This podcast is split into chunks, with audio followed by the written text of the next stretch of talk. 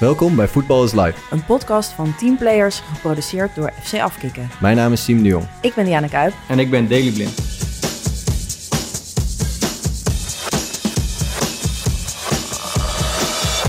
Matthijs uh, de Licht belde me gelijk van wat is hier aan de hand, weet je wel? Ja, ik denk dat daar inderdaad wel iets meer um, haat is naar elkaar. Je ziet bij andere sporten dat er veel meer ja, zero tolerance is.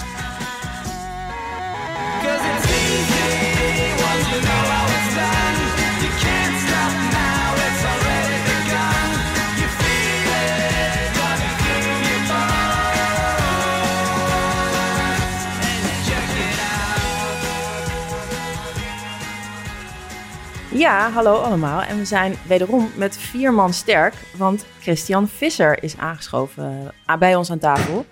Um, Christian, ik ga je toch even een klein beetje voorstellen. Christian Visser verwierf landelijke bekendheid als de voetbaladvocaat. Zo heet jij dus ook op Twitter, het voetbaladvocaat. In vrijwel alle strafzaken met betrekking tot grootschalige voetbalrellen in Nederland treedt hij als raadsman op. Maar ook buitenlandse supporters met Nederlandse zaken weten hem te vinden. Hij stond onder meer supporters van Schalke 04, Celtic, AC Milan, AS Roma en PAOK Saloniki bij. En je bent Ajax-supporter, toch? Ja, dat klopt. Ja? Ja, ik had eigenlijk ergens anders moeten zijn nu. Nee, maar ik, ben, ik kom hier graag hoor. Maar oh, oké. Anders was ik wel in het ja, we waarderen. Maar, ja. Dat, ja, dat is al, ja. ja, ja, we nemen nu op op... Klopt ja. Primetime, ja. Ja, nee, maar geen probleem. Ja, we no graag. noteren dit als compliment en een pluspunt. Kunnen hem aanzetten achter... Uh... ja. ja, en Siem, uh, vertel jij eens, waarom uh, wilde jij zo graag Christian uitnodigen? Nou ja, er zijn natuurlijk omtrent waar het net, uh, hoe jij hem voorstelde, aardig wat dingen gebeurd. Ja. En um, in en om het voetbal uh, de laatste tijd eigenlijk. Um, ik kreeg zelfs nu in een interview vragen erover wat ik uh, ervan vond mm -hmm. en of ik wist wat we moesten doen. En ik dacht van, nou, het lijkt me wel interessant om iemand een keer langs te laten komen die daar iets meer over kan zeggen. Waardoor ik ook de volgende keer misschien iets beter weet wat ik kan zeggen oh, als ja. ik voor de camera sta. Dus ik vind ben... dat een heel goed idee van jou. Ik moest er ook wat over zeggen. Ik wist eigenlijk ook niet wat ik moest zeggen. Dus we gaan, straks hopen we na een uur weten we allemaal wat we moeten zeggen. Ja, ik hoop dat we aan het einde geleerd hebben van uh, hoe we met elkaar uh, ja, een aantal problemen kunnen aanpakken in en om het voetbal misschien. En, uh, nou ja, het gaat hier ook vaak over communicatie. Hè? Ik heb jullie eerdere podcasts natuurlijk ook gehoord van wat kun je doen als voetballer. En ik vind het wel interessant wat er dan naar aanleiding van zo'n incident gebeurt. En dan zie ik bijvoorbeeld 4,5 minuut ter kloeze die de naam Davy Klaassen niet uitspreekt. En in tegenstelling tot uh, Arne Slot, die het juist heel goed doet, die hem Davy noemt. En daarmee bij elkaar trekt. En dat zijn natuurlijk toch dingen in de communicatie die je moet doen, denk ik. Oh ja, oh, dat nee, is ja, dus... een hele goeie. En we gaan het straks uh, uitgebreid over hebben. We gaan ja. eerst even naar het uh, nieuws van de week en over, over onszelf. Ja, want Daily, laten we eens even beginnen met jou. Hoe gaat het? Hoe was jouw week?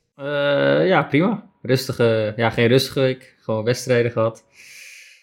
Uh, helaas uitgeschakeld in de beker in de ja. laatste minuut. Dus uh, dat was nog wel een domper. Ja. Of een zepert. Uh, maar goed, we, we gaan een mooie week tegemoet in de Champions League. Dus uh, daar kijken we naar uit. Ja, en je hebt je nieuwe trainer al wat beter leren kennen nu. Hoe bevalt dat? Ja, bevalt, bevalt goed. Natuurlijk, het is altijd makkelijk om te zeggen als je niet speelt dat het niet goed gaat. Maar oprecht vind ik wel dat het een, een goede trainer is. Hij heeft een goed idee qua, qua wat hij wil, qua hoe we spelen. En ik denk dat ik er misschien als speler uh, het van kan leren, maar ook misschien naar de toekomst toe als ja, trainer misschien. Dus het is ook interessant oh, om te ja. zien hoe hij werkt. Ja, want dus, op zich is het ja. ook, uh, nou ja, het is niet leuk als een trainer weggaat en je weer een nieuwe trainer moet leren kennen en zo, maar ja, jij uh, in die periode leer je wel, denk ik, een paar van de absolute toptrainers kennen en die maak je mee. Dus daar, daar, neem je denk ik zelf ook wel weer wat van mee, ja. Ja, zeker. En dus zeker dat je een beetje aan de zijlijn of wat meer aan de zijlijn staat dan, dan ik gewend ben. Uh, kijk je ook naar dingen die je mee kan nemen, misschien voor, voor daarna inderdaad, als, uh, als trainer zijn. Ja. En uh, ja, omdat ik toch wel die papieren wil halen uiteindelijk. Dus als je dan kijkt, nu binnen een half jaar een Nagelsman kan ervaren en Tuchel. Ja. Wat ja, toch best grote namen zijn, dan kan ik denk ik heel veel dingen meenemen daarvan en hopelijk wat van opsteken. Ja, ja. taking notes. Oké. Okay. En hoe was jouw week, Siem? Ja, wel weer goed. Ik heb uh, sinds lange tijd weer minuten gemaakt. Dus, ja, uh, gefeliciteerd. Ja, ik was helemaal blij voor je. Ja, was ook wel een uh, leuk potje, denk ik, ja. voor het publiek. En voor ons ook uiteindelijk winnend afgesloten. Belangrijke dus, overwinning, ja. Ja, zeker.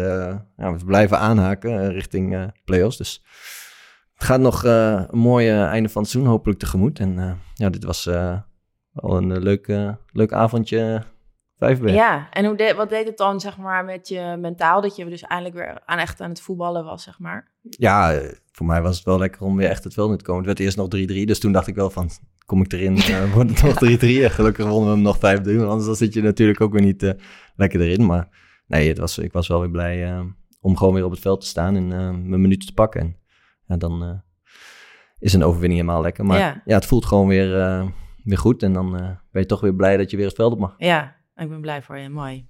En hoe gaat het met jou? Nou, ja, ik zei net heel eerlijk tegen jou. Ik zei het ook wel eens een keer goed als ik een keer eerlijk ben. Maar ik had geen goede week. Ik, had, eh, ik heb een vriend verloren deze week. En ehm, ik wist ook dat ik hem ging verliezen deze week, omdat hij ongeneeslijk ziek was. En ehm, dat was gepland. En eh, dat kost me heel veel moeite om dat uit je hoofd te krijgen. En ik had deze week een hele drukke week, dus ik moest een aantal keer ik moest een gala presenteren. En Ehm, niet dat het om mij gaat hoor, maar ik bedoel, eh, eh, ehm, ja, je moet dan dus gewoon, Ja. net zoals jullie ook, je moet dat op een gegeven moment blokken, weet je wel. Want je kan niet, ehm, ja, als ik zo uitgenodigd ben om zo'n gala te presenteren, dan hebben zij geen boodschap daaraan dat ik verdrietig ben, weet je wel. Dus je moet dan die knop omzetten en daar dus de happy, shiny people eh, staan te zijn. Ja. Maar daarvoor, weet je wel, dan zit ik gewoon te janken in die kleedkamer. Dus ik moest een paar keer echt die knop om. Dus ik heb mezelf behoorlijk opgerookt eh, deze week. En ehm, ja, gewoon dat, ja, dat je... Vooral het feit dat, dat iemand dus zo'n doodsvonnis heeft, zeg maar. Dat je dus weet wanneer je gaat. Dat... eh, ja, Dat dat, vond ik echt. Ja, en, en eh, dus, dat, dus, dus ik had eigenlijk best wel een klote week. Dus vandaag heb ik op de bank gelegen en heb ik Parijs-Roubaix gekeken. En eh, daar heb ik erg van genoten. Het is mijn favoriete wielerkoers. En ik appte naar jou, want het is nu, het is nu zondag. En eh, dus jij, eh, wij appen altijd van tevoren eventjes van waar we het over gaan hebben. Dus ik zei, ja, eh Mathieu van der Poel gaat Parijs-Roubaix winnen, nog 10 kilometer. Zei ik, ja, ik zit ook te kijken. Nee, toen zei jij, Oh. is dat belangrijk?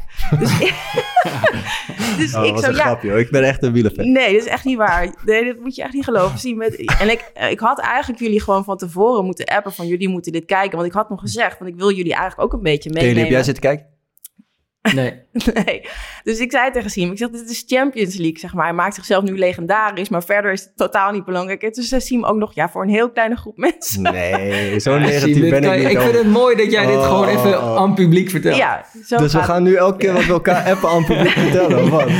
Nee, maar dit, je weet dat wel de, wieler, de wielerwereld belangrijk is. Ik vind de wieler... Ik had een verjaardag vandaag, dat is wat ik terugstuurde. Daardoor kon ik helaas niet kijken. Nee, ja, ik Ja. reken mezelf dit ook aan, want dit is nou ook zo'n mooie koers. Ik had jullie eigenlijk hiermee van de week al moeten voorbereiden en waar je dan op let. Want dan word je het ook vanzelf, denk ik, enthousiaster. Christian, volg jij eigenlijk wielrennen? Nee. Nee, ook Oh, niet. nee. Oké, ik heb hier- nou, we houden hier dan ook over op, want ik weet ook niet of de luisteraars, maar dat... Maar hij heeft eh, gewonnen. Ja, hij heeft gewonnen, dat is heel bijzonder. Dus ik lag lekker eh, te chillen en heb eh Mathieu van der Poel zien winnen. Nu ben ik met jullie en dat vind ik ook fijn. Dat is wel Dus, mooi, want het is een beetje de Champions League van het wielrennen, toch? dit is... Oh, Zo lullig dit. hè. Oh, hij doet het hij is zo denigrerend. Nee, Ja, helemaal dat- niet. dat Ik bedoel dat serieus. Nee, dat toontje. Oké. Eh, ja. Nou, ik heb er Oh, dus erg mooi, van mooi. genoten. dus eh, ja, dus zo. En ehm, ik vroeg me af, hebben we eigenlijk nog post gehad? Eh, ja, nee, ik had wel een leuke mail eh, binnengekregen eigenlijk. Tenminste, leuk. Het eh, ging vooral de vraag van ehm, Dennis. Was, hij was benieuwd of wij trainen echt leuk vinden. En of dat bij de ene trainer anders is dan bij de andere. ehm, of daar veel verschil in zit. Dennis, wat een leuke vraag. Dus Teddy, ik weet niet of jij... eh, Eh, nou, ik vind trainen niet altijd leuk, nee. Nee, het, is, eh, het gaat mij eigenlijk... eh, ja, het klinkt misschien gek, maar het gaat om de wedstrijden. Dus eigenlijk zit ik nu echt in een, in een dippie. Want ik, speel- ik train alleen maar. Maar is, ja, inderdaad. Maar is dan maar, zeg maar de, de training, eh, want dat is natuurlijk, er zijn duizend verschillende trainingen. ja, en ik vroeg me toch? ook af, want jij speelt bijna elke week dan twee wedstrijden. Dus jullie trainen natuurlijk bijna helemaal niet in die periode. Als je, eh, ja, ook wel meegemaakt, als je speelt, dan ben je natuurlijk... Ja, dan is het gewoon een beetje herstellen en weer voorbereiden. Dus dan maakt die training ook wat minder uit. Maar als je niet speelt, ja, dat heb ik ook wel eens een periode meegemaakt... eh, in zo'n fase van veel wedstrijden, dan, eh, ja, dan doe je niet zoveel. eh, dan is het ook moeilijk om, om echt goede trainingen mee te krijgen. En om echt, ja, Ja. soms ook echt, zeker vanuit mijn perspectief, soms van een blessure, om echt fit te blijven als er veel wedstrijden zijn. Want dan zijn de trainingen inderdaad vooral gericht op weer de volgende wedstrijd of het herstellen van de vorige wedstrijd. Want wat is, nou, omschrijf eens een, eh, een leuke training. Wat zijn wel leuke trainingen? Sim? nou, ik vind, ja, kleine, ja, ja, ik vind partijtjes altijd wel echt leuk hoor. Kleine partijtjes en ik ben ook echt ja, zwaar fanatiek dan. En wil ook altijd die partij zeggen winnen. Ik loop ook echt zagrijnig het trainingsveld af als ik niet gewonnen heb. En ik loop blij het trainingsveld af als ik wel gewonnen ja? Dus dat maar Daily jij helemaal niet dus? Ook niet dit? Ja, Daily is ook zo. Ja, ik ben wel fanatiek. Als ik eenmaal op het trainingsveld sta, dan, dan ben ik er gewoon. En dan, doe je, dan, ja, dan ben je net zo fanatiek als Siem. Maar ik vind bijvoorbeeld grotere partijen juist leuker. Ik vind kleine partijtjes niet zo heel leuk. Oh. en ik vind positiespellen juist leuk. Nou, die vind ik ook leuk. Uh, Hij moet gewoon niet... Uh, niet uh, soms een beetje afwerken vind ik ook wel leuk. Hm. en ja, soms vind ik het juist ook leuk om tactisch iets te doen. Dat je echt zeg maar, de tegenstander gaat analyseren en, en daar een manier op bedenkt wat in de wedstrijd dan tot uiting kan komen. Dat vind ik ook leuk. Maar ja, al met al uh, gaat het bij mij wel echt om de wedstrijd. Ja. Dat is wel echt waar ik uh, naartoe leef, zeg maar. Dus ja, de trainingen die, uh, ja, die zijn belangrijk om uiteindelijk te, te shinen in de wedstrijd, zeg maar. Maar ja, als je, als je een training niet nodig had, had je dat ik liever alleen wedstrijd Nee, nou op zich is dat ook niet raar, toch? Dat zei Mohammed Ali al, I hate it every moment of the training. Maar dat, hm. ja, je bent natuurlijk gewoon bezig met een groter doel. Um, ja. ja, nee, zeker. Dus de trainingen zijn ook echt wel leuk om met elkaar bezig te gaan om die wedstrijd te winnen. Maar ja, soms is het inderdaad, uh, soms, willen, soms gebeurt er iets te veel op trainen. Je wil eigenlijk gewoon, ja, sommige vormen zijn minder leuk dan andere. Dus je wil liever de leukere vormen constant hebben dan de minder leuke vormen. Maar... Voel je eigenlijk, Niet, niet meer. En daar, ik vind deze discussie wel interessant. want toen ik nog amateurvoetballer was, ja, dan op dinsdagmorgen als ik naar mijn werk fietste, dan zag ik er echt naar uit om s'avonds te gaan trainen. Ja? Maar ik vind mijn werk ook heel leuk, maar daar fiets ik niet iedere dag met plezier naartoe. Nee. ik snap, ik snap het, heel goed. Ja. Gevoel, ja. Wat, ja. Vond, wat, vond jij dan leuk aan je training? Ja, gewoon sporten, buiten zijn. Uh, ja. Maakte de invulling van de training niet zo uit? Nee, en ja, ik denk wel op lager niveau is het sowieso meer met de bal, meer partijtjes. En ja, wij gingen niet tactisch voorbereiden op de tegenstander.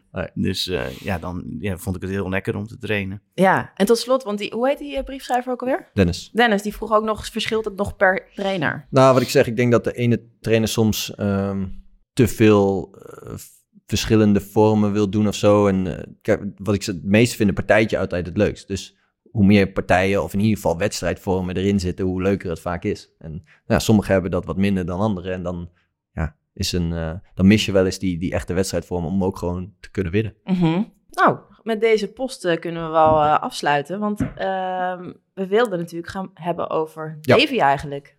Over Davy, ja, nou ja, in ieder geval. Ja, die is een aanleiding. Ja, ja, wel een beetje. nou, eerst wilde ik even van, van, jullie weten, want ik weet dat het een vriend van, je, van jou is, Siem en, en Davy, toch? Davy, mogen jullie graag. Um, En dus je, je zit te kijken, of, of ik weet niet of jullie zaten te kijken, maar je ziet in, ineens je vriend gewond. Hoe, uh, hoe is dat? Zat jij te kijken, Dave? Ik zat, ja, te ik kijken. zat te kijken. Ik zat ook ja? te kijken. Ja, in het begin was het... Uh, je, je, ziet dat bloed opeens... Of die reactie eigenlijk dat hij over zijn achterhoofd uh, gaat. Ja. En toen... Ja, eerst was het eigenlijk zo'n beetje perplex van wat gebeurt hier... Ik weet nog, Matthijs de Licht belde me gelijk van wat is hier aan de hand, weet je wel. En uh, we hadden het er even over, we bleven samen kijken. En ja, toen op een gegeven moment smeerde hij het zo uit over zijn achterhoofd. Ja, dan heeft hij natuurlijk zo'n blond kaal hoofd. Ja. Dus ja, toen hebben we er ook wel stiekem een klein beetje om gelachen. Ja, echt? maar, maar natuurlijk, uh, daarna... Uh, ja, dan heb je het eigenlijk wel over wat, wat een bizarre gebeurtenis dit is. En dat dit in Nederland ja, zo gebeurt, dat is natuurlijk triest. Ja, en ja. zat je ook te kijken, zien? Ja, nee, ja, ik heb ook inderdaad ja, vrienden van me appten ook gelijk van oh, het bloed. En het ziet er natuurlijk ook wel heftig uit en zo. Ja, dan um, blijf je wel echt uh, alles volgen en uh, kijken wat er allemaal gaat gebeuren op dat moment. Ja. ja. Uh, er zijn, dit is natuurlijk één moment nu, maar er zijn wel wat meer voorvallen geweest de laatste tijd. Ook op het veld en ook om het veld heen wel. Maar ja, wat toch wel wat, ja, waar je toch wel gek van staat te kijken een beetje. En um, ja, dan, uh, wat ik zei, ik kreeg van de week ook in een, uh, in een interview gewoon eigenlijk bij de graafschap ook de vraag van, uh, ja, wat, wat ik daar nou van vond van alles wat er nu gebeurt. En, ja. ja dan je zei net al dat je niet zo goed wist wat je moest antwoorden, maar wat heb je ongeveer geantwoord? Wat ja, nou, dat, ik, dat ik hoop dat we hier met z'n allen iets, iets aan kunnen gaan doen, dat dit minder voorkomt. En we hebben het vaak over Engeland gehad, denk ik, als, als voorbeeld um, van... Um, ja, hoe we daar de sfeer hebben ervaren. En natuurlijk gaat daar ook wel eens wat mis. En uh, er zijn ook nog dingen die, uh, die, die daar ook misschien beter moeten. Dus alleen, ja, je hebt daar wel, uh, denk ik, als voetballer op het veld. En ook gewoon met het publiek en zo. De jaren dat, wij, dat ik daar gespeeld heb. En ook als ik er nu naar kijk. Toch misschien wel een, ander gevoel bij dan als ik de laatste tijd naar sommige eredivisiewedstrijden kijken. Of gewoon wedstrijden in Nederland kijken. De laatste jaren of wat bedoel je eh, überhaupt? Uh, nou, eigenlijk überhaupt wel. Want ik, ik heb niet het gevoel dat het in Nederland ooit zo is geweest als... Zo explosief als het nu is, bedoel je? Nou, nee, zoals in Engeland, dat Oh. zeg maar, waar vorig jaar hadden we het over publiek, Mhm. dat eigenlijk met één rij stewards van elkaar Ja. gescheiden zit. En Ja. ja, ja daarin, eh, eh, dat heb ik denk ik in Nederland niet vaak meegemaakt. Ze zit altijd wel gewoon in een, in een soort van eh, afgesloten ruimte. Ehm, ja, Maar Chri- Christian, hoe zit jij er dan naar te kijken? Heb je dan gelijk van, oh ja, dit is, ik ga nu even het puntje van mijn stoel, Ja, dit is iets nu waar, kom- waar kom ik in eh, podcast en in het... eh, Ja, nou, het wordt dan wel drukker, zeg maar, qua mediaverzoeken. Maar ik, ja, ik ben vooral benieuwd naar, zeg maar, van... oké, wat is hier aan de hand? Hoe zijn de reacties? Wat is, hè, wat- eh, je ziet dan ook die andere aanstekers liggen. Wat kan er gedaan worden? En ja, je bent toch... Als je echt iets wil vinden van het feit... moet je eigenlijk ook weten wie die dader is. Want ja, het is een heel groot verschil of je... zeg maar zoals bij Groningen... een minderjarige jongen hebt... waarvan we niet weten of die ooit iets verkeerd heeft gedaan. Of zoals bij PSV, iemand die al een stadionverbod blijkt te hebben... meerdere feiten al voetbal gerelateerd heeft gepleegd. Ja, dat maakt het voor mij echt heel anders. Maar, Mhm. Ja, nee, dat is zo. Maar dus eh, als iemand, eh, zoals bij Groningen dan, eh, dat je niet precies weet wat daarachter zit, maakt het dat dan juist gekker dat het dan gebeurt? Ja, op zich wel. En, het, en het, het, eh, ja, het is minder de schuld van de club, zeg maar. Ik vind wel, zeg maar, ja, bij PSV... ik snap dat het heel lastig is, het stadion verboden, civielrechtelijk. Hè, dus door de KNVB opgelegd. Ja. Maar ik vind dat je als club wel je harde kernvak... daar zou je wel degene met een stadionverbod uit moeten kunnen houden. Want waarom is dat zo lastig? Want er zit toch een club? verschil in civielrechtelijk en strafrechtelijk. Ja, dus civielrechtelijk is eigenlijk gewoon... als je een kaartje koopt voor een voetbalwedstrijd... dan gelden de standaard voorwaarden. Dat is net als bij een stuk hout bij de Gamma. Daar staat in die standaard voorwaarden de regels over die koop. Dat is bij het voetbal ook. Alleen staat daar dan ook in... je kunt een stadionverbod krijgen hier en hier en hiervoor. Ja, en dat legt de KNVB gewoon op namens alle clubs. Dus dat is eigenlijk hetzelfde als, als in een zwembad... dat iemand zegt, ja, je mag niet meer in dit zwembad Want je, komen. want je krijgt dan geen strafblad of zo, toch? Nee, precies. Dus het is wel lastig handha- te handhaven als iemand van een, een stadionverbod bij PSV heeft. Ja, als die er bij de wedstrijd de Graafschap Zwolle verschijnt, ja, dat, dat kunnen ze daar niet weten. Ja. Dus dat, daar heb ik, ja, er gaat wel een foto naar de KNVB, oké, maar het is wel, ja, dat is heel lastig hand, te handhaven voor clubs. Dus dat, voor een deel kun je ook wel begrijpen dat dat niet lukt. Nee. Want even voor mijn idee, want ik, want jij zegt nu, eh, er liggen inderdaad meer aanstekers. Ja. Ik heb me daar nooit echt bij nagedacht hoeveel dingen er nou op het veld überhaupt belanden. Zijn, A, zijn jullie, zijn jullie wel eens geraakt door iets überhaupt? nee, maar ik heb wel eens warm gelopen op plekken waar ik het wel, zeg maar, voor me op het gras zie landen. Ja? Ja. Maar over hoeveel aanstekers hebben we het bijvoorbeeld? Mm, nou, niet zoveel als daar dan constant op dat moment. Dit, dit is denk ik ook een beetje een, een moment wat daar gebeurt. Mhm. En dat, ja, dat in dat moment iets meer gegooid wordt dan als ik gewoon sta warm te lopen langs de rand. Is misschien, eh, eh, dan, ik bedoel, zoals ik dan alleen aan het warmlopen ben, dan krijg je misschien niet constant aan de lopende band aanstekers en meerdere. Maar ja, er worden wel eens dingen gegooid, ja. Ehm, op plekken waar je dan ook. eh, dus je bent hier echt aan het warmlopen en je denkt van, oh, eh, er worden nu dingen gegooid. Ah, niet heel veel hoor. Dat, ik bedoel, dat, dat gebeurt niet op, eh, dat gebeurt niet overal. En ik, ja, ik heb het ook, denk ik, nou, het laatste jaar ook bijna niet meer meegemaakt. Dus het ligt denk ik wel een beetje aan welke plekken Ja. en op welke manier. Bij ja, Ajax Feyenoord heb ik het meer meegemaakt dan als ik, eh, bij Feyenoord Ajax, dan als ik... Ja. eh, Maar dat zullen dus inderdaad vooral de klassiekers en de toppers zijn waar dat gebeurt. ja, ik denk dat daar inderdaad wel iets meer ehm, haat is naar elkaar toe dan, eh, dan in sommige andere wedstrijden. Ja, er zijn, wat, er zijn op gewoon verschillende plekken waar je komt, is er meer haat naar een bepaald team dan... Ja, dat kan natuurlijk inderdaad ook gewoon een derby zijn. Natuurlijk. Ja, daarom. hebben Dus jullie dat, dat- dan niet ja. door? Nee, precies. Nee, dus dat, dat is vaak wat erachter ligt. En ehm, ja, kijk, nu is, het, eh, is dit voorval dan inderdaad specifiek zo. Het, ziet er, het is ook heel, heel heftig dat hij geraakt wordt door een aansteker. En ja, daar, dit is een voorval, maar er zijn dus ook wel wat andere voorvallen nu tegelijk gebeurd. En eh, volgens mij waren er nog wat dingen van de week, eh, dit rond dit weekend zelfs volgens mij nog wat met supporters. En het is ook lastig om alles als één ding te zien. 100%, ja, tuurlijk, ja. Maar en of het nou veel meer gebeurt dan vroeger, ja, statistisch gezien kan ik ook niet zo zeggen. Dat weet ik ook niet. Maar ja, voor mijn gevoel is er wel de laatste tijd iets meer eh, spanning Ja. om wedstrijden heen dan het daarvoor was. Daily, hoe, hoe heb jij dat? Jij bent ook nooit geraakt door iets, maar heb je, ben je bijvoorbeeld wel eens angstig geweest? Dat je dacht van, oeh, eh, moet ze nu niet in mijn nek hebben? Of ik kan beter niet deze bocht nemen? Of, eh, Ehm, nee, op het veld heb ik me nooit echt angstig gevoeld. Ja, op het veld voel je eigenlijk als speler vaak wel dat je ja, toch onbereikbaar bent voor de supporters, zeg maar. Ja. Maar ja, dat is de laatste jaren ook wel eens anders gebleken. Eh, vooral bij keepers. Ja, Maar ehm, nee, ik heb me nooit echt onveilig gevoeld. En het enige wat ik wel eens eh, ja, wat dichtbij is gekomen, zijn van die plastic eh, glazen, of plastic eh, wat is, bekers met, met bier bijvoorbeeld of zo. Ja. Maar ja, Maar ik, heb ik- Me, ik heb me nooit angstig gevoeld of eh, gedacht van, oh, ik moet...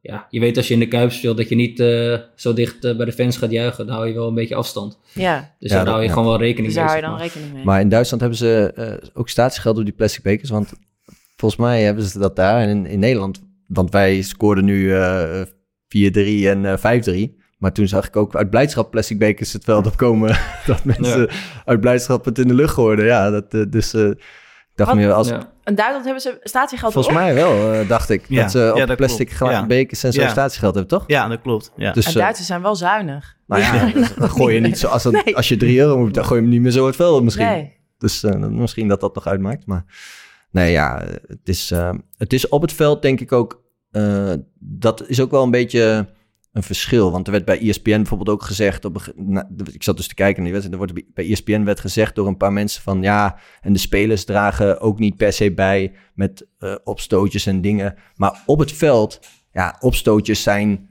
bijna in een soort van regels. Je ziet bijna nooit iemand iemand slaan of iemand. Het is altijd een beetje een soort van.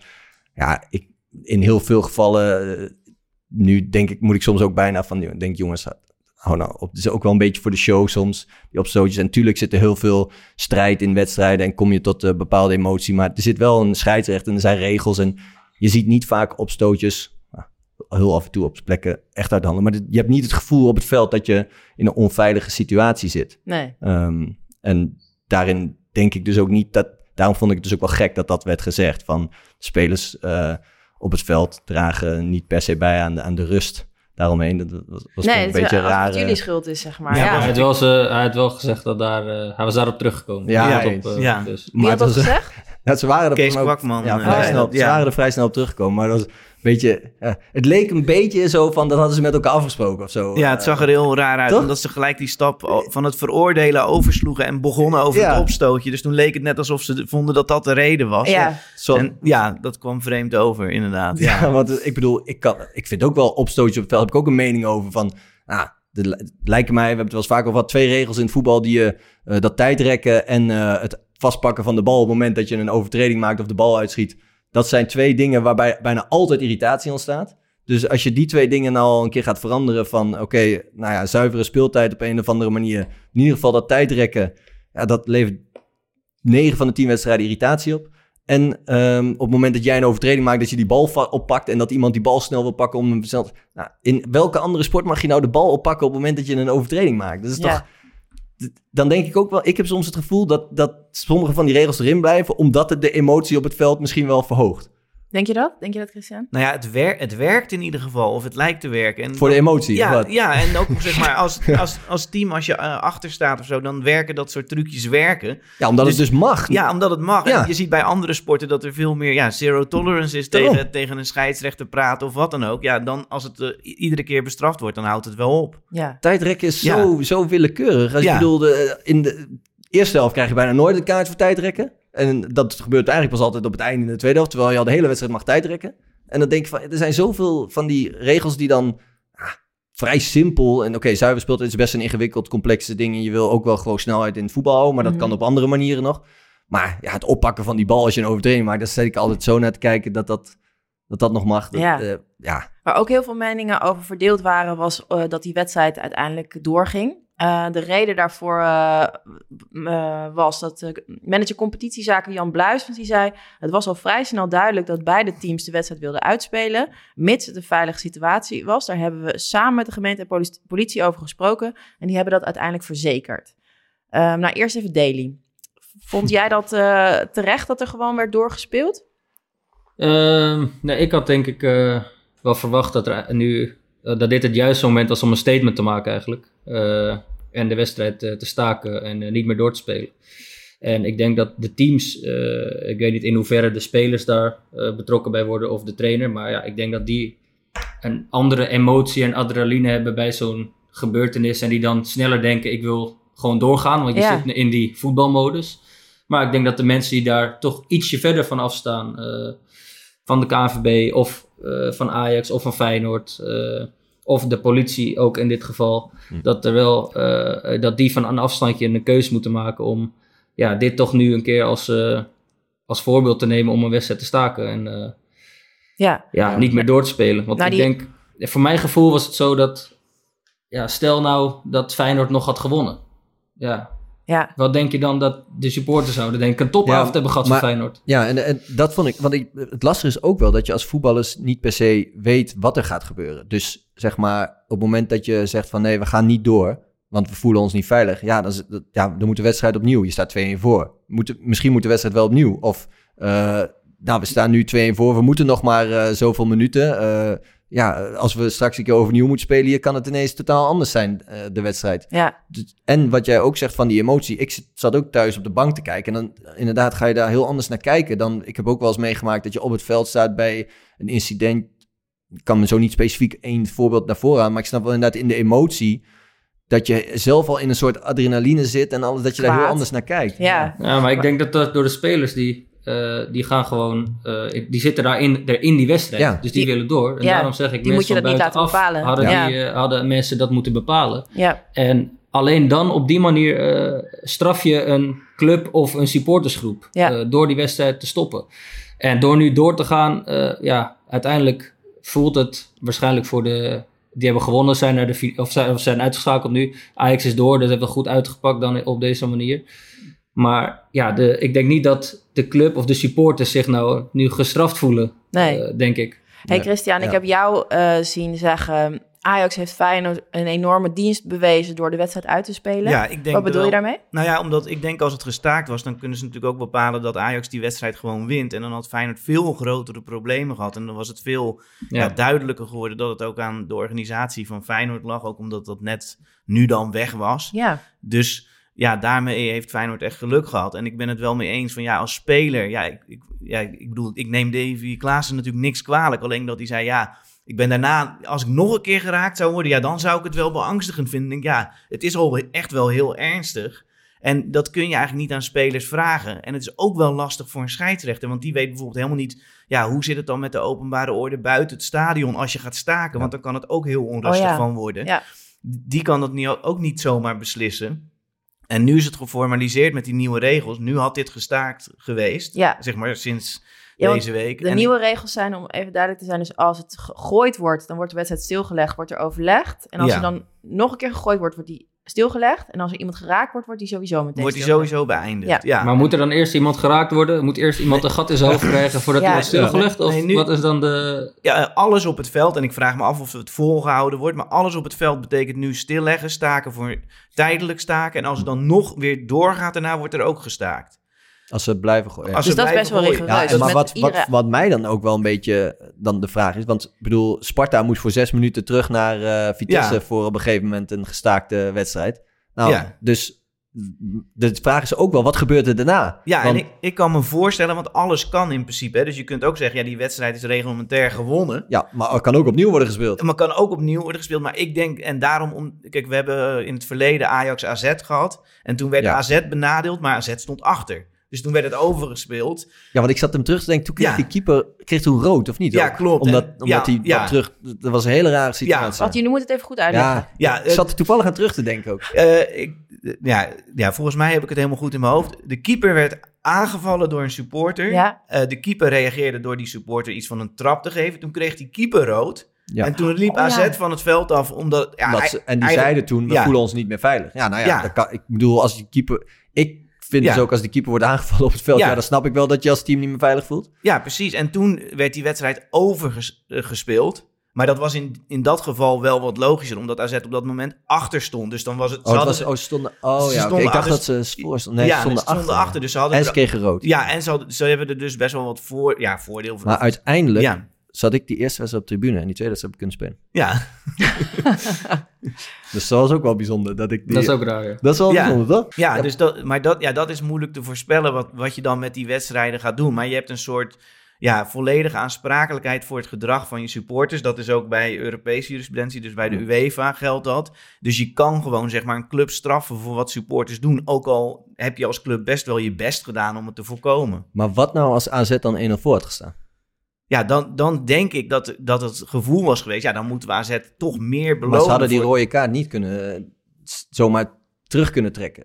Nee, nou ja, dat, ja, ja, dat is eh, ingewikkeld. Maar ja, hij had geseponeerd kunnen worden, denk ik. En dan op, Opnieuw, maar dan sta je... ja, ja, Dus- maar dus het lastige van dit vind ik dus ook wel, van wat is het daarna, wat gebeurt er daarna? Ja, en dan, maar dan moet je gewoon, denk ik, toch gewoon gaan zitten met een eh, arbitragecommissie en gaan besluiten. En dat hangt natuurlijk gewoon af van, ja, hoeveel tijd is er nog over? Hoeveel eh, nadeel heeft de club gehad die, die voor staat of die achter staat? Het zou natuurlijk raar zijn als Ajax gestraft zou worden door het overspelen van deze wedstrijd. Ja. Terwijl ze voor stonden. Dus ik denk dat daar, daar kun je gewoon rekening mee houden. Maar ja, het is een, dan komt er natuurlijk een heel... Ja, maar nee eens, maar het is dus wel, het staat niet eigenlijk vast wat gaat gebeuren. Nee, dus als nee. je dan ons als spelers zou vragen, en dat moet je dus eigenlijk al niet doen, maar het is wel ingewikkeld. Want Ja. inderdaad, voor de laatste tien minuten gaan we dan over drie weken nog een keer weer met z'n allen Maar nu Eh, gaan ze dat niet meer vragen, toch? Er wordt nu Nee, niks meer eens. gevraagd. Maar ik bedoel dus meer van...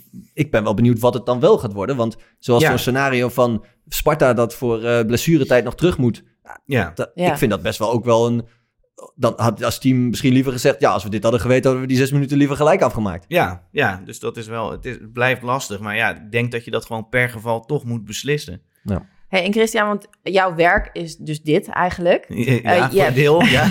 ja, jij, jij staat ook eh, mensen bij die misschien Ja. iets gegooid hebben. ja, wel eens, ja. Allereerst, eh, wat voor soort mensen kan je daar, kan je daar een soort van ja, sticker op plakken? Wat voor soort mensen zijn dat nou? Nou, kijk, ja, ik heb natuurlijk best wel een ja, vertekend beeld van de, van de samenleving, omdat ik strafrechtadvocaat ben. Dus ik zie allemaal mensen die strafbare feiten plegen. En ja, je hebt toch wel ook een beetje een 80, twin- eh, of een 20-80 regel in het strafrecht. In de zin van 20% van de mensen zo- zorgt voor 80% van de strafbare feiten. Dat geldt ook wel in het strafrecht voor een deel. En alleen in het voetbal is dat wel echt anders. Omdat je daar heel veel first offenders ziet. Er zijn gewoon ja, beroepshooligans, zal ik maar noemen. Die gewoon, ja, dat is hun hobby.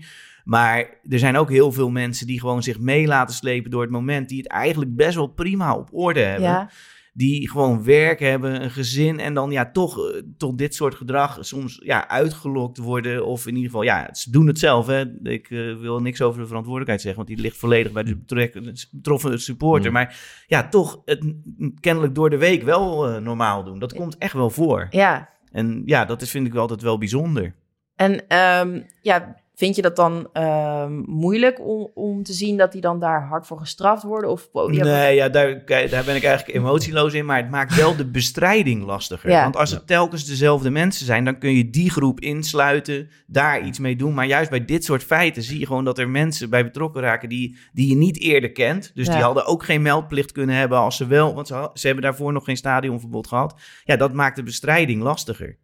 Ja, snap ik. En wat, wa- wat voor ideeën? Want kijk, we hadden het er vorige week volgens mij over dat jullie vertelden mij dat het in Ja, over Eng- Engeland. Engeland. Ja, zijn er Ja. nou nog dat- over de, we hadden het, in het begin noemde je even inderdaad die meldplicht bijvoorbeeld. Ja, want die jongens die zeiden dus dat in Engeland veel, eh, ja, dat het eigenlijk helemaal niet zoveel voorkomt, toch? Dat het, ja, eh, nou ja, kijk, ik vind het moeilijk om dat inderdaad qua aantallen, want het gaat nu ook eh, ja, om, om een aantal gevallen en je, je, je schaart nu ook wel de, alle, alles wat om het voetbal heen gebeurt Tuurlijk. nu op één hoop, zeg nee, maar, maar. bijvoorbeeld dat uitsupporters dat niet eh, mogen komen, oh, eh, weet je wel, dat, dat Hmm. is daar bijna niet, zeiden jullie niet. Ja, nou, het, het gevoel, kijk, ik zei ook, dus daar ook veel emotie. De Mhm. mensen leven echt mee en volgens mij eh, ja, hebben ze ook gewoon echt een, een, een gezellige tijd als een, in het weekend en vinden ze voetbal ook echt iets om, eh, om naar uit te kijken. Maar ja, ik heb niet het gevoel nou dat, dat daar een zo'n zo gespannen sfeer heerst als op sommige momenten in Nederland. Maar misschien, ja, ik bedoel, ik zei ook een keer, Newcastle Sunderland was ook een echte derby en daarbij waren ook wel wat extra maatregelen eh, ten opzichte van andere wedstrijden. Dus er is natuurlijk ook nog wel Ja. een soort onderscheid in, in bepaalde wedstrijden. Maar, ehm, Maar Christian, Ja, heb jij het idee ja. dat we iets Is- verkeerd is doen daar, ten zeg maar, van die andere landen? Ja, en het is grappig genoeg niet de wetgeving waar altijd naar gewezen wordt. Want in Nederland is er, ja, het is een volle gereedschapskist, eh, zei de Raad van State over de, de wetten die we nu hebben. En dat is in Engeland ook zo. Maar ik denk dat er een heel groot verschil is ontstaan eh, eind jaren 80, begin jaren 90. Toen was er in Engeland waren er ook veel problemen, maar daar hebben ze gezegd. Uitsupporters hebben het recht om naar wedstrijden te gaan en die blijven gaan. En in Nederland hebben we combi's ingevoerd. En dat betekent dat supporters die nu 18 jaar zijn, dat die nog nooit supporters van de tegenpartij hebben zien lopen bij een stadion. Hmm. En als ze die nu zien, dan reageren ze daarop. En, en in Engeland en ook in Duitsland zie je gewoon 5000 supporters van Keulen. Zie je door Dresden lopen, iedere twee weken. En in, ja, ik heb in Londen gewoond. Als ik daar op een treinstation stond op zaterdagmorgen, dan zag ik van allerlei supporters die Ja. allemaal naar verschillende stadions gingen. En die lopen allemaal door elkaar. En, wat ze, en ja, op het moment dat je die stewards doet, ja, hekken maken gekken, zei Riemen van der Velde. En ik denk dat hij voor een deel ja. gelijk heeft. Als je die stewards doet, dan ga ja, ik zeg niet dat je het nu in één keer moet doen, want nu zijn we zo gewend aan, die plexi, aan dat plexiglas. Maar als dat gewoon normaal is, dan gaan er ook niet zoveel mensen doorheen. En wat ze in Engeland wel, denk ik, beter doen, is zo lang mogelijk met de platte pet dus blijven benaderen. Dus gewoon Wat bedoel je daarmee? nou ja, als je dus zeg maar in Nederland, hè, de- de mobiele eenheid is uit de stadions verdwenen, dat is al goed. Maar buiten wordt het nog wel ingezet. En op het moment dat er helmen komen, komen er stenen, zeg ik altijd maar. Ja, dan mensen denken ook, hé, hey, daar loopt iemand met een helm, die heeft dat pak niet voor niets aan. En dan komen er soms ongeregeldheden. Terwijl ik in Engeland gewoon heb gezien dat uitsupporters gewoon in een kroeg waren en echt benaderd werden door de politie. En dan zeiden ze, wie is jullie leider? Nou, jullie zijn nu hier, jullie mogen hier blijven drinken, maar als jullie naar het stadion gaan lopen, gaan we met jullie meelopen. Oh. Dat soort, ja, Bij de Graafschap was van de week hadden ze de sporters van Heracles uitgenodigd voor een biertje voor de wedstrijd. Ja? ja. Ja, bij een eh, kroeg. Dus eh, er zijn wel inderdaad... Kijk, het is Ja. ook niet zo... Wat je zegt, zijn ook, dat maakt het ook wel lastig. Want het zijn ook van die voorvallen inderdaad door... Nou, heel weinig mensen. Als je het over een heel stadion... Ja, één iemand of bij, bij Groningen... Ja, het, is, maakt het ook wel heel moeilijk om, om een, alle fans... dat we daar iets mee moeten Maar, gaan doen. maar is, het niet gewoon nu, is het niet gewoon in Nederland ook veel mensen denken van... Ja, als je in Nederland iets doet, dan eh, ja, zijn toch geen gevolgen? Ja, misschien denken mensen dat, maar ik denk dat eh, er is best in de stadions best een redelijke pakkans. Ik heb wel het idee dat het verschilt per stadion, maar bijvoorbeeld bij Ajax kunnen ze gewoon iemand helemaal terugvolgen tot aan... Nee, maar ook als je, als je Ja. gepakt wordt, zeg maar, dan nog zijn er vaak... Ja, wat Ja, zijn nou echt de gevolgen dan daarvan? Nou, ik denk zeg maar voor serieuzere feiten, zeg maar dan, dan hè, zoals dat aanvallen van die keeper, nou dat komt wel binnen hoor, zo'n paar maanden zitten. Ja, als je een biertje gooit, dan krijg je een stadionverbod. En ja, dat is misschien raar dat ik dat zeg als advocaat, maar ik weet, ja, mij, mij vertellen ze niet of ze dan alsnog gaan. Ik merk wel dat mensen een stadionverbod vervelend vinden, maar ik weet niet hoeveel ze dan alsnog er tussendoor komen. Nee, maar je zei voorheen al, toen met dat stadionverbod, dat ze eigenlijk, dat, dan kan je wel naar andere wedstrijden gaan bijvoorbeeld. Ja, het mag wordt helemaal niet. Mag Het- niet, maar het nee. wordt ook niet gecontroleerd. Nee, het is heel lastig te Dus- controleren. En kijk, het voordeel van een civielrechtelijk stadionverbod is dat je het heel makkelijk kan opleggen. Dus er is een lage bewijs. Ja. Alleen, ja, er is ook weinig controlemechanisme. Want de KVB mag niet de telefoon stappen of iemand observeren of wat dan ook, wat de is, opsporingsautoriteiten mogen. dat nog, is dat dan nog een verschil met Engeland? Die, die verboden of die... Ja, die hebben we veel al. Dat is bestuursrechtelijk geregeld. Dus dan, dan is er wel iets meer controle mogelijk. Maar dat kan in Nederland ook. Alleen dat ge- gebeurt heel weinig. Dus er kunnen meldplichten opgelegd worden bij stadionverboden. Zelfs op basis van een civielrechtelijk stadionverbod. Dus Oké. dat is heel, een beetje Ja, best ja. wel raar. Dus de burgemeester kan zeggen: jij moet je melden omdat je een stadionverbod van de KVB hebt. Oh, ja. Alleen er is, ja, er is geen digitale meldplicht en de politie vindt het te veel capaciteit vragen. Dus het wordt niet zoveel gedaan. Mhm.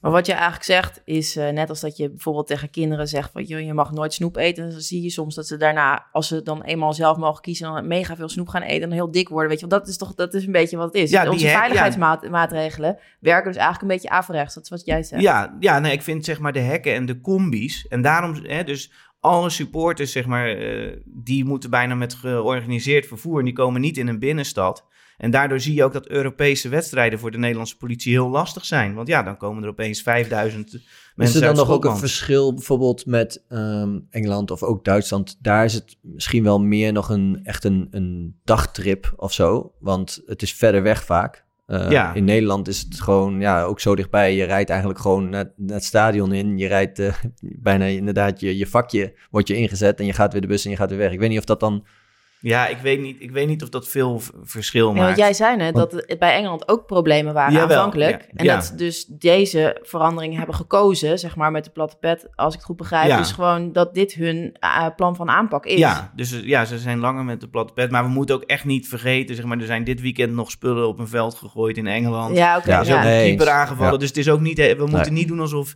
of we er helemaal niets van kunnen in Nederland, zeg Nee. maar, in, eh, qua voetbalwedstrijden. Maar ja, ik denk dat dat soort dingen, daar geloof ik wel in. En toch Ja. ook wel, dat is eigenlijk recent in me opgekomen, omdat ik een supporter van NEC bijstond en die was betrokken bij rellen tegen Vitesse. En die zei tegen mij, ja, die wedstrijd wordt maar opgepompt en opgepompt en opgepompt. En dacht ik, ja, daar heb ik eigenlijk nooit over nagedacht. Maar dat vind ik toch ook wel, kijk, ik wil niet alleen maar Feyenoord de schuld geven, want dat, is, alle clubs hebben een probleem. Maar als je de- dus kijkt naar die vorige editie van Feyenoord-Ajax, Ja. dan kan Ajax niet in zijn eigen bus naar dat stadion gaan. Er hangen netten, omdat er anders Berghuis niet veilig is. En hij spreekt zelf over honderden bedreigingen, spreekt hij emotioneel. Ja, daar, daar moeten we ons over uitspreken. Ja. meer. Maar dit heeft eh, Berghuis ook goed gedaan toen. Ja, Ja. heel goed. Ja, Dus, eh, alleen ja. ik vind, ik, hè, je zou misschien... Ik, ja, het is misschien een beetje een ideaal plaatje, maar volgens mij heeft Berghuis ook in het vertegenwoordigende elftallen met Feyenoorders gespeeld. Hoe mooi zou het zijn als een speler van Feyenoord nou eens zegt van, jongens, kom op, hij voetbalt nu bij de rivaal, maar dit hoort er niet bij. Ja, want dat is, dat is ook een beetje wat ik bedoel. Op het veld zijn er eh, andere regels en er is echt veel strijd en eh, er is echt veel eh, ja, wil om te winnen en alles. Maar ondertussen bij het Nederlands elftal inderdaad en ja, onderling heb je, zijn er met, met een aantal jongens heb je gewoon, ja, gewoon normaal contact. En eh, bedoel, bij het Nederlands elftal speel je samen en zie je ook foto's voorbij komen. Nu ook weer van jongens die gewoon eh, met elkaar optrekken. En zo, zo gaat het al, al, al heel lang. En dat maakt het ook wel een, een gek beeld of zo. Dat er naar buiten toe heel erg dat beeld misschien nou, wordt gecreëerd. Niet eens altijd per se bewust, maar een soort van... Ja, er, er hangt gewoon een, een echte... Mm. Alleen wij als spelers vatten dat op als in... Ja, we moeten die wedstrijd winnen. Het gaat ons puur inderdaad om op het veld. En net als ik zeg, kijk, ik train minder mate. Maar in trainen ben ik ook... Ja, gewoon... Ja, ik, ik schop ook wel eens iemand neer in trainen. En er staan we ook wel eens tegenover elkaar... eh, dat je denkt van... eh, ja, dat, maar dat is om binnen de regels... Ben de scheid, een- een- na het veld eh, ga je gewoon met de kom. En ik geef ook altijd iedereen eh, na de wedstrijd prima een hand. Dus sta ik even mee te praten. En, maar ja, het lijkt wel alsof wij... eh, ja, mijn vrouw zegt soms voor de gein... jullie zijn soms bijna net gladiatoren. Ja, Eh, maar, de, maar er zijn, is dus ook een groep supporters die zichzelf dus dan die twaalfde man voelt. En dus jullie gaat helpen, zeg maar. En dan ook gewoon met datzelfde opgefokte gevoel het sta- naar het stadion gaat. En het gevoel hebt dat ze ook moeten spelen. Nee, En, eh, ja, dat, ik snap wel, dat, dat is wat ik bedoel. Die emotie is ook, maar eh, kijk bijvoorbeeld ook eh, soms het vuurwerk. Of eh, ik kan me ook nog wel eens herinneren dat de vuurwerk werd afgestoken. En dat we, voor, en dat we uiteindelijk de wedstrijd verloren. En eh, het is ook niet altijd, zeg maar, gunstig van wat er allemaal gebeurt voor de spelers op het veld. Nee, nee maar het Maar is ook stel wel je, lastig. Ja. ja, stel je, je staakt eh, een wedstrijd, of je staakt een, eh, of het nou Feyenoord is, of Groningen, of eh, wat de laatste tijd gebeurt, of een keeper, of een, een keeper wordt aangevallen. Ja, hoeveel problemen komen daarvan als je dan zeg maar de, die ploeg straft door te zeggen van dit is gelijk een verliespartij? Hm. Wat, wat zou dan, zouden daar veel gevolgen voor? of ja, deze hoe- discussie we bij ons Ja. in de kleedkamer ook. Dit zei ik eigenlijk Ja, ook. of- Dat zeiden we bij ons ook, ja. Wat denk jij, Christian? Ja, dat vind ik lastig, zeg maar. Kijk, op het moment dat je staakt... Nou goed, die wedstrijd eh, Ajax-AZ met de keeper, met Esteban, daar was ik zelf. En ja, toen liep, liep iedereen rustig naar buiten, zeg maar, toen dat gebeurde. ja. Maar ik, kan- ik kan Ja. me dus ook wel voorstellen dat je Ja. na die wedstrijd gewoon met elkaar zegt... Ja, AZ heeft eh 3-0 gewonnen, ja. Ja, ja, en ik weet niet of dat dan echt tot onrust leidt. Alleen ja, nou ja, je- het zou misschien niet binnen 10 minuten na de wedstrijd moeten Nee, bepalen. maar- precies. Dus dat, dat doe je dan door de week. En of het dan mensen dan het idee hebben dat het heel oneerlijk is, ja. Of nu al van tevoren zeggen. Ja, en dat vind ik heel... Kijk, ik bedoel, er is van alles te zeggen over wat er aan regelgeving is. Maar dat is wel heel goed van die nieuwe regels van de KNVB, dat het duidelijk is. Hm. Want dan kan een scheidsrechter ook gewoon zeggen, ja, ik ga hier verder niet over. Dit zijn de regels. En nee, eens. Maar het is nog niet duidelijk wat er wat daarna er- gebeurt. Nee, nee, precies. Maar en ja, we hadden die discussie ook op de club een beetje eh, met, met spelers. Van ja, eh, wat nou als gewoon eh, degene... Ja, als supporters bijvoorbeeld Ajax AZ. Ja, AZ-doelman wordt aangevallen door iemand op het veld. Ja, we weten, nou ja, we, ja, we hebben 3-0 verloren. ja, Dan moeten we met elkaar toch wel gaan kijken van... Oké, zullen we iets meer... Ja, ik weet niet of je dan juist meer beveiliging... Het, het is ook moeilijk. Het is Ja. ook niet per se dat je het gaat voorkomen. Dus iemand, ja, dan gaan mensen undercover eh, bij de anderen zitten. En dan kopen ze... Ja, ik zei, dat, Ja. geloof, dat geloof Ja. ik niet. Dat gaat ja. wel heel ver, maar... ja. Nou ja, goed, in de jaren tachtig zijn de Engelse ploegen op een gegeven moment gewoon uitgesloten van Europees voetbal. Ja. Vanwege ongeregeldheden. En ja, ik weet niet of dat, ik denk dat zeg maar juist de Hillsborough, hè, dus de ramp, ja, ja. dat die eigenlijk meer heeft gezorgd voor verbetering in Engeland. Maar Misschien toen ook wel ja. bij supporters zelf zo'n gevoel heeft gecreëerd van ja, dit, dit nooit meer.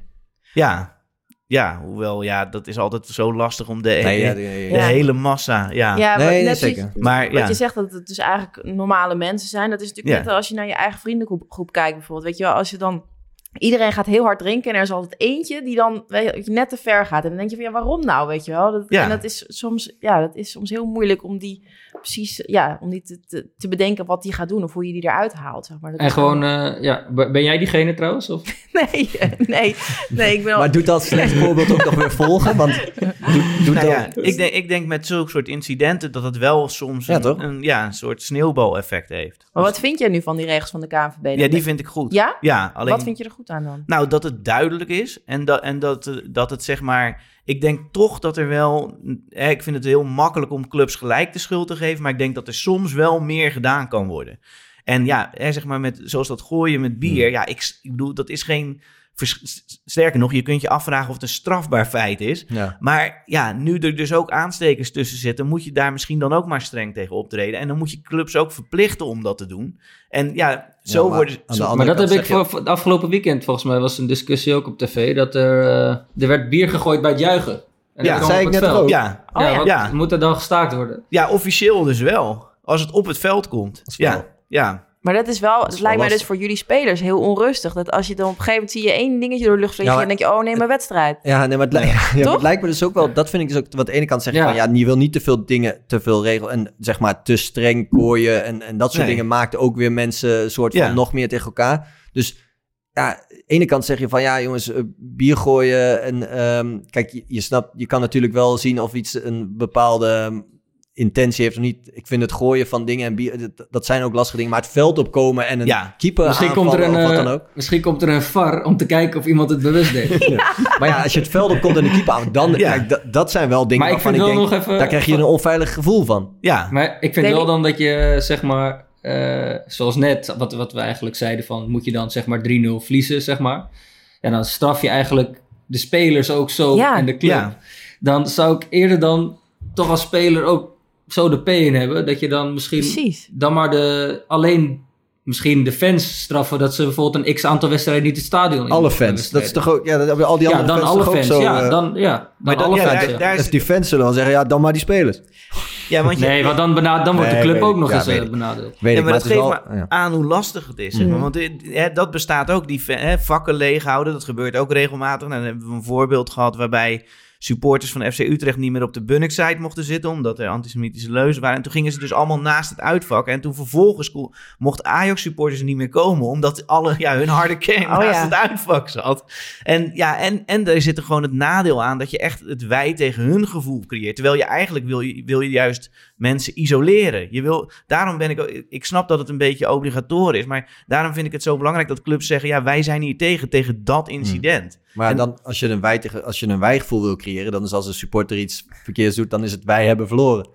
Ja, nou ja, ja, ja maar Dan kun je... Ja, dat kun je zeggen. Alleen het lijkt, er is heel vaak, zeg maar, de reactie is heel vaak, ja, oké, maar bij die wedstrijd is dat ook gebeurd. En ja. zij hebben het ook gedaan en zij hebben het ook gedaan. Terwijl je eigenlijk wil je als club, wil je gewoon zeggen, ja, hè, dit, dit moet niet gebeuren. En me- medeleven tonen met, met, in dit geval, Nee. Davy Klaassen. Nou, John de Wolf, die, probeerde, ja. die probeerde in te spelen op dat wij-gevoel, zeg maar. Eh, ik heb, eh, hij zei, om precies te zijn, supporters tussen aanhalingstekens aan die kant. Gebruik je verstand, godverdomme. Zorg dat er niets meer op het veld komt. Zorg dat we achter het team blijven staan. We willen er als team weer voor gaan. Dus we hebben jullie steun allemaal elkaar nodig. Maar gebruik je verstand, gebruik je verstand. Ehm, wat vonden jullie? ik zie jou lachen. Ja, Eh, wat nou ja, vond je ervan? Ik was, er, ik was er niet helemaal tegen, zeg maar. In de zin van, ja, ik snap dat je ook een, hè, een emo, je wil een clubicoon hebben. Je wil iemand die er wel gewoon de emotie aanspreekt. Alleen dit was meer een soort aanmoediging voor het publiek om als het weer verder ging nog Zo. ja. En dan, nou ja, het werkte ook, want Davy werd, Klaassen werd gelijk weer uitgefloten toen hij het veld opkwam. Dus terwijl waar- want als wat- die echt groot zou zijn, zou die zeggen: jullie moeten van spelers van Ajax, noem gewoon die naam. Je mag Ja. ze Ajax noemen, moeten jullie afblijven. Eh, Dat zou, en, dan, eh, en nu er weer allemaal voor gaan en eh, succes. Ja, dus hij zei van je helpt ons niet. Ik Ja. denk, uiteraard bedoelde hij het Ja. vast wel heel goed. Maar ik zie ook maar- wel eens namelijk ja. spe- spelers, zeg maar, zoals bijvoorbeeld bij Groningen, naar het publiek ja, ik weet ook niet of dat, zeg maar, ik, de beste... eh, Wat, leg, als- wat, wat bedoel je nou, precies? als er dingen in het publiek gebeuren, gaan er ook wel spelers naartoe om te... Dus zoals nu bij Willems, die ging Oh, ja, volgens mij daar naartoe. Ja. Ik heb het alleen Denk kort- je niet dat het helpt? Ik vind het... Ja, die, het hielp niet. Die kreeg een klap van zijn kaders, volgens mij. Oké, Ik weet niet of je fair echt dat dit heel, maar... Nee, maar überhaupt, als een spe ik, ik vind het altijd wel indrukwekkend als die spelers dan zeggen van doe eens even normaal. Ik, ik heb altijd wel het gevoel dat dat tenminste nog wat doet. Nou ja, ik heb wel soms het idee dat, eh, dat die intentie is goed. En maar ja, wat ik eigenlijk net ook zei, want je hebt zeg maar, je wil, eh, je hebt zo'n grote groep fans en je wil eigenlijk niet iedereen straffen Nee. van die fans, want er zitten ook heel veel goede fans tussen. Hmm. En dan heb je één of twee die het dan verzieken. En ja, en dan zit er bijvoorbeeld zo eentje bij zo'n Groningen zo'n klap uitdeelt. En ik denk dat hij ook echt wel door die supportersgroep zelf gewoon aangepakt wordt van... hé hey, luister, dit is niet de bedoeling. Dit is niet hoe wij onze, onze spelers steunen. En ik heb ook wel eens meegemaakt bij Ajax... dat, dat je dan bijvoorbeeld na een, eh, een mindere periode... een keer met de bus thuis, eh, weet je wel, ko- terugkomt. Ja, en dan zie je ook gewoon de leiders van die supportersgroepen... ook sommige jongens gewoon corrigeren van... luister, van spelers blijf je af... en je gaat gewoon met elkaar wel dat gesprek aan. En eh, ja, je, je- daar wil je uiteindelijk ook wel naartoe. Dat je, dat je elkaar zo gaat corrigeren natuurlijk. Ja. En, 100%. en het moet inderdaad ook veilig voelen als speler van zo'n club. Om ja, samen met die supporters in gesprek te gaan. Want uiteindelijk moet je het ook... Ja, je, je bent altijd met elkaar verbonden als supporter en als Mm. speler samen. Je moet Nee, inderdaad maar we die zitten ook sociale wel eens met controle... spelen. We zitten ook wel eens met supporters in andere omstandigheden. Ik weet niet of dit zeg maar de juiste omstandigheid is om dan te gaan praten. Om dan daartussen te gaan staan. Je, in, het, in de hitte van de Ja. strijd bedoel je? Ja, Maar ik ben wel met je eens dat we inderdaad, ja, dat, is ook, dat maakt dit ook wel natuurlijk zo lastiger. Dat het, wat je net ook zei, Christian, één persoon is en een bepaald moment. En ja. maar dit is precies, Deli, wat je, ik denk dat je helemaal gelijk hebt. Dat is volgens mij het enige antwoord. Dat de sociale controle zou zo groot moeten zijn. Je zou je zo kapot moeten schamen dat je gewoon niet durft te gooien. Omdat je bang bent dat je vrienden je een eikel vinden, toch? Dat je, Ja, op zich wel. Maar de vraag is of je dan ook aansprakelijkheid hebt voor mensen die vier stoelen van je vandaan staan. En eh, wel twee meter breed en twee meter lang zijn. En niet zoals ik 1,75. Nee, Ja, ga, ga het maar doen. ja. Ja, dus maar ja, meestal in de Ja. vakken waar dit gebeurt, daar staan best wel eh, meer van dat soort. mensen die willen uh, Ja. Nou ja, het kan. durven een wat te zeggen. leiding denk ik. hebben. Ja, bij. Groningen gebeurde het inderdaad, eh Daily, wat Ja, jij dus zei. ik Er denk werd echt gelijk opgetreden door andere supporters. Dus Ja. het Ik bestaat denk wel. dat ook dat belangrijk is dat dat ook, ja, ook gezien wordt, zeg maar. Dat inderdaad wel ook door hun eigen mensen die jongens Ja. worden, worden aangepakt. En ik, ja, ongetwijfeld zal dat bij Feyenoord ook eh, eh, zo zijn. Het is, het is moeilijk inderdaad om een straf te bedenken. We hebben het er nu al bijna een uur over. Van, ja, wat is nou de juiste manier om een te We nog straffen steeds niks of niet te geleerd. straffen? En uiteindelijk zijn we... Ik vind het wel een goede afsluiting voor vandaag. Laten we geleerd. allemaal eens even een goede straf Het is een goede discussie, maar uiteindelijk is het inderdaad heel lastig om, om op de juiste manier tot een, eh, tot een oplossing te komen. Ik denk alleen wel dat je soms beter kan staken en er rustig over na kan denken dan dat je uit emotie gaat, eh, te snel gaat handelen. Zeg maar. Nou ja, we, we hebben nu eh, nog steeds niet echt geleerd wat we nou voor de camera's moeten zeggen. We hebben wel veel eh, discussie erover gehad, maar... eh, Heb je niet geleerd wat je voor de kamer moet zeggen? Ehm, nee, ja, ik, kijk, het, het blijft gewoon ook een super ik ingewikkeld je. iets. En Ja. eh, inderdaad, ja, een individueel geval. En er zijn al mensen onderling waar we het over hadden die corrigeren. Dus de club wil zo goed mogelijk. Dus uiteindelijk willen we ook allemaal het beste. Alleen, ja, er zijn nu gewoon wat verschillende voorvallen bij elkaar gebeurd. En ik denk ook dat ja, dat, dat misschien wel eh, het vuurtje nog wat meer opstookt. Dat, ja, dat, dat er gewoon een aantal dingen tegelijk achter elkaar gebeuren. eh, waardoor, de, waardoor het eh, natuurlijk nu ook nog meer eh, besproken wordt. Ja, nou ja, hopelijk gaan die, die nieuwe regels van de KNVB gewoon helpen. Dat zou natuurlijk het beste Maar hopelijk gaan we gewoon met elkaar de club steunen en, Ja. en, en, mooie wedstrijden weer tegemoet. En wij zijn ook hartstikke voor emotie en, en, en bijvoorbeeld vuurwerk als dat door de club of als we dat gezamenlijk met elkaar allemaal regelen. In de arena wedstrijden gehad dat voor de wedstrijd eh, vuurwerk wordt afgestoken, georganiseerd en ja, dat dat ons op het veld echt wel een gevoel geeft van een eh, boost geeft. een ja. boost geeft. Ja. En ik weet niet, volgens mij vuurwerk of nou helemaal ergens in het stadion of alles verboden is. Maar ehm, ja, het lijkt me dat als we dingen met elkaar, dat we dat dan ook gezamenlijk goed oppakken. En eh, ik denk dat dat... eh, Ja, en we moeten denk ik ook niet vergeten dat het gaat gewoon veel beter dan 30 jaar geleden en zo. Het was, we zi- zitten nu in een piek, maar eigenlijk zaten we in een dalende trend. Er gaan veel meer mensen naar het stadion. Het is veel veiliger dan vroeger. Ik bedoel, ja, er zijn 7 miljoen bezoekers, zeg maar, gelo- geloof ik, in de eredivisie ieder jaar. Dus dan, ja, daar zitten gewoon mensen tussen die wat verkeerd doen. Maar in zijn algemeenheid gaat het juist eigenlijk steeds beter. Ah, dat is wel mooie, mooie boodschap. Procentueel zou je het inderdaad... Terug naar in een stijgende lijn. Ja. Oké, nou dan zeggen we dat voor de camera. Het gaat steeds beter. Ja. Nou ja, maar het is soms jammer dat het zeg maar zo de, de, de nadruk ligt op die... eh, ja, het is, het is mijn werk, maar het is, dat er zo de nadruk ligt op die rotte appels... terwijl er zoveel mensen plezier beleven van voetbal. En, Ja, zo Normaal is dat wel, wij willen eigenlijk positieve verhalen over Ja. voetbal je vertellen. En daarom zeg Ja. ik ook van, nou, wij eh, zijn zeker voor dat de supporters ons op een goede manier steunen. En dat er eh, emotie en lawaai in het stadion is. Dus, eh, en ook, eh, ja, zelfs eh, bijvoorbeeld in de, in de Kuip. Wij, ja, wij hebben ook liever eh uitsporters en, en, een- en een goede sfeer. En in de Kuip voetballen, ja, vind ik nog steeds eh, een van de mooiste dingen die ik... eh, ook heb gedaan. Eh, dus eh, ja, dat, dat maakt wedstrijden ook speciaal. En ik hoop dat dat gewoon, dat we zorgen met elkaar dat dat ook gewoon eh, zo kan blijven. Mhm, Dus eh, 100%. nu jij hier toch bent, eh, Promes en Vloed zijn nu twee eh, eh, rechtszaken, of tenminste dingen die lopen. Ehm, daarbij was ik eigenlijk wel benieuwd van hoe jij er naar kijkt, van, omdat het voetballers zijn, of daar dan nog, hoe, hoe kijk je ernaar dat die jongens nu zo eh terecht staan? Ja, eh, nou, in principe zou het niet uit moeten maken. Het is in zekere zin altijd in een strafzaak een voordeel als je werk hebt. Dus dat hebben ze. Daar wordt eh, rekening eh, mee gehouden. Waarom Maar- is het altijd een voordeel als je werk hebt? Nou ja, omdat ze dan denken, oké, als deze persoon eh, eh, bijvoorbeeld buiten de gevangenis blijft, dan gaat hij daar ook iets nuttigs mee doen met zijn tijd. Gaat hij gewoon werken. Hij verliest ook iets als hij een gevangenisstraf krijgt. Maar ja, soms is die stap te groot en is het feit te serieus en dan volgt een gevangenisstraf. Mhm. Maar in principe voor de strafmaat helpt het. Maar het, wordt het wordt hen niet kwalijk genomen door een rechter dat zij een voorbeeldfunctie hebben. Nou oké, dus dat was inderdaad mijn, ja, Ja, Sim we vroeg dat- zich af inderdaad of, Nou, of dat nog meewoog. En er is natuurlijk wel wat voor te zeggen. En ik dacht ook wel eens dat ik het Kijk, dit zijn heb. natuurlijk wel echt strafzaken, dus da- Ja. daar is het dan misschien minder. En als je het over andere voorvallen hebt, dan zal je zeggen, ja, voetbal heeft een voorbeeldfunctie. Ik vind wel waarneembaar dat het eh, klimaat veranderd is. Dus Patrick Kluivert, die heeft toen de tijd gewoon doorgevoetbald. En daar was op zichzelf ook niet echt kritiek op. En dat was Hmm. natuurlijk bij Rai Vloed echt anders. Waar ook de supporters van Heracles zeiden... ja, wij willen niet dat hij, dat hij voetbalt eh, voor ons. Dat zijn natuurlijk wel... Kijk, dat zijn op zich wel dingen die overigens ook mee kunnen wegen... ten voordele van hem in, in een strafzaak. Hoe komt die verandering, denk je? Ja, er is meer. ehm, ja, eh, het publiek is eigenlijk kritischer geworden. En ook eh, ja, strenger ten opzichte van mensen die dingen anders doen. En ik heb jullie podcast met Vivian Miedema gehoord. En die had het over Engeland. Ik heb zelf in 2004 in Engeland gewoond.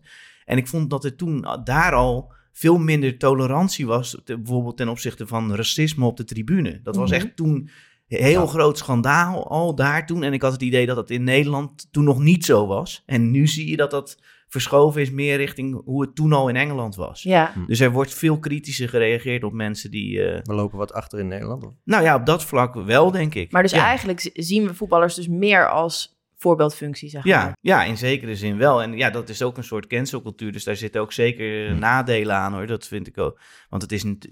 Ja, die cultuur is niet altijd eerlijk, zeg Nee, maar. nee. Wij- eh, de- Nee, want los van, kijk, dit zijn natuurlijk hele erge dingen. En daar, maar inderdaad, eh, zo'n jongen, je, je noemt nu zelf weer Kluivert. Ja, de rest van zijn leven eh, kun je, word je hier natuurlijk al sowieso aan, Ja. neem je het al mee. Maar je, overal waar je komt, weet, weet eigenlijk iedereen ook eh, dit. Ja, ja, en dus dat is ook. Ik bedoel, dat is echt ook een. eh, Is dat iets wat de rechter wel eens meeneemt? Van dat hij al zo eh, gestraft gaat worden, omdat hij gewoon in zijn omgeving niet meer zonder dit feit kan worden, die naam wordt voor Nee, altijd eraan gekoppeld. Nee, wel terug in de tijd. Dus van oké, er zijn al zulke publicaties geweest. eh, er zijn bedreigingen geweest, want dat komt soms ook voor. Hè, naar aanleiding van het feit. Maar de toekomst niet, want dan gaat het erop lijken van ja, je bent, bent een bekend persoon en daarom krijg je minder straf, omdat je er meer last Nee, van ja, hebt. Maar het is feitelijk natuurlijk wel waar. Mhm. Als je, wij zijn in Nederland gelukkig terughoudend hè, met het publiceren van achternamen, woonpla- In Engeland is het gewoon ja, die en die en dan staat er Ook gewoon een, klei- klein... gewoon, ja, voor ieder strafbaar feit. En dan staat er gewoon een klein dorp bij. Dan denk ik, ja, dan weet iedereen gewoon Ja. wie dit is. Zeg maar voornaam, Ja. achternaam en woonplaats. Tot, tot aan straatniveau soms. Ja. Mhm. dat is natuurlijk wel, dat is gewoon een, een tweede straf. Ja.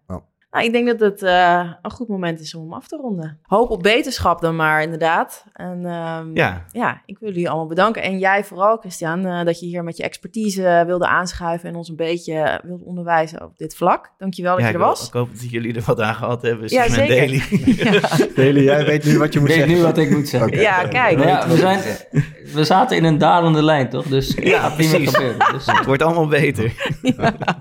Nou, hartstikke bedankt, mannen.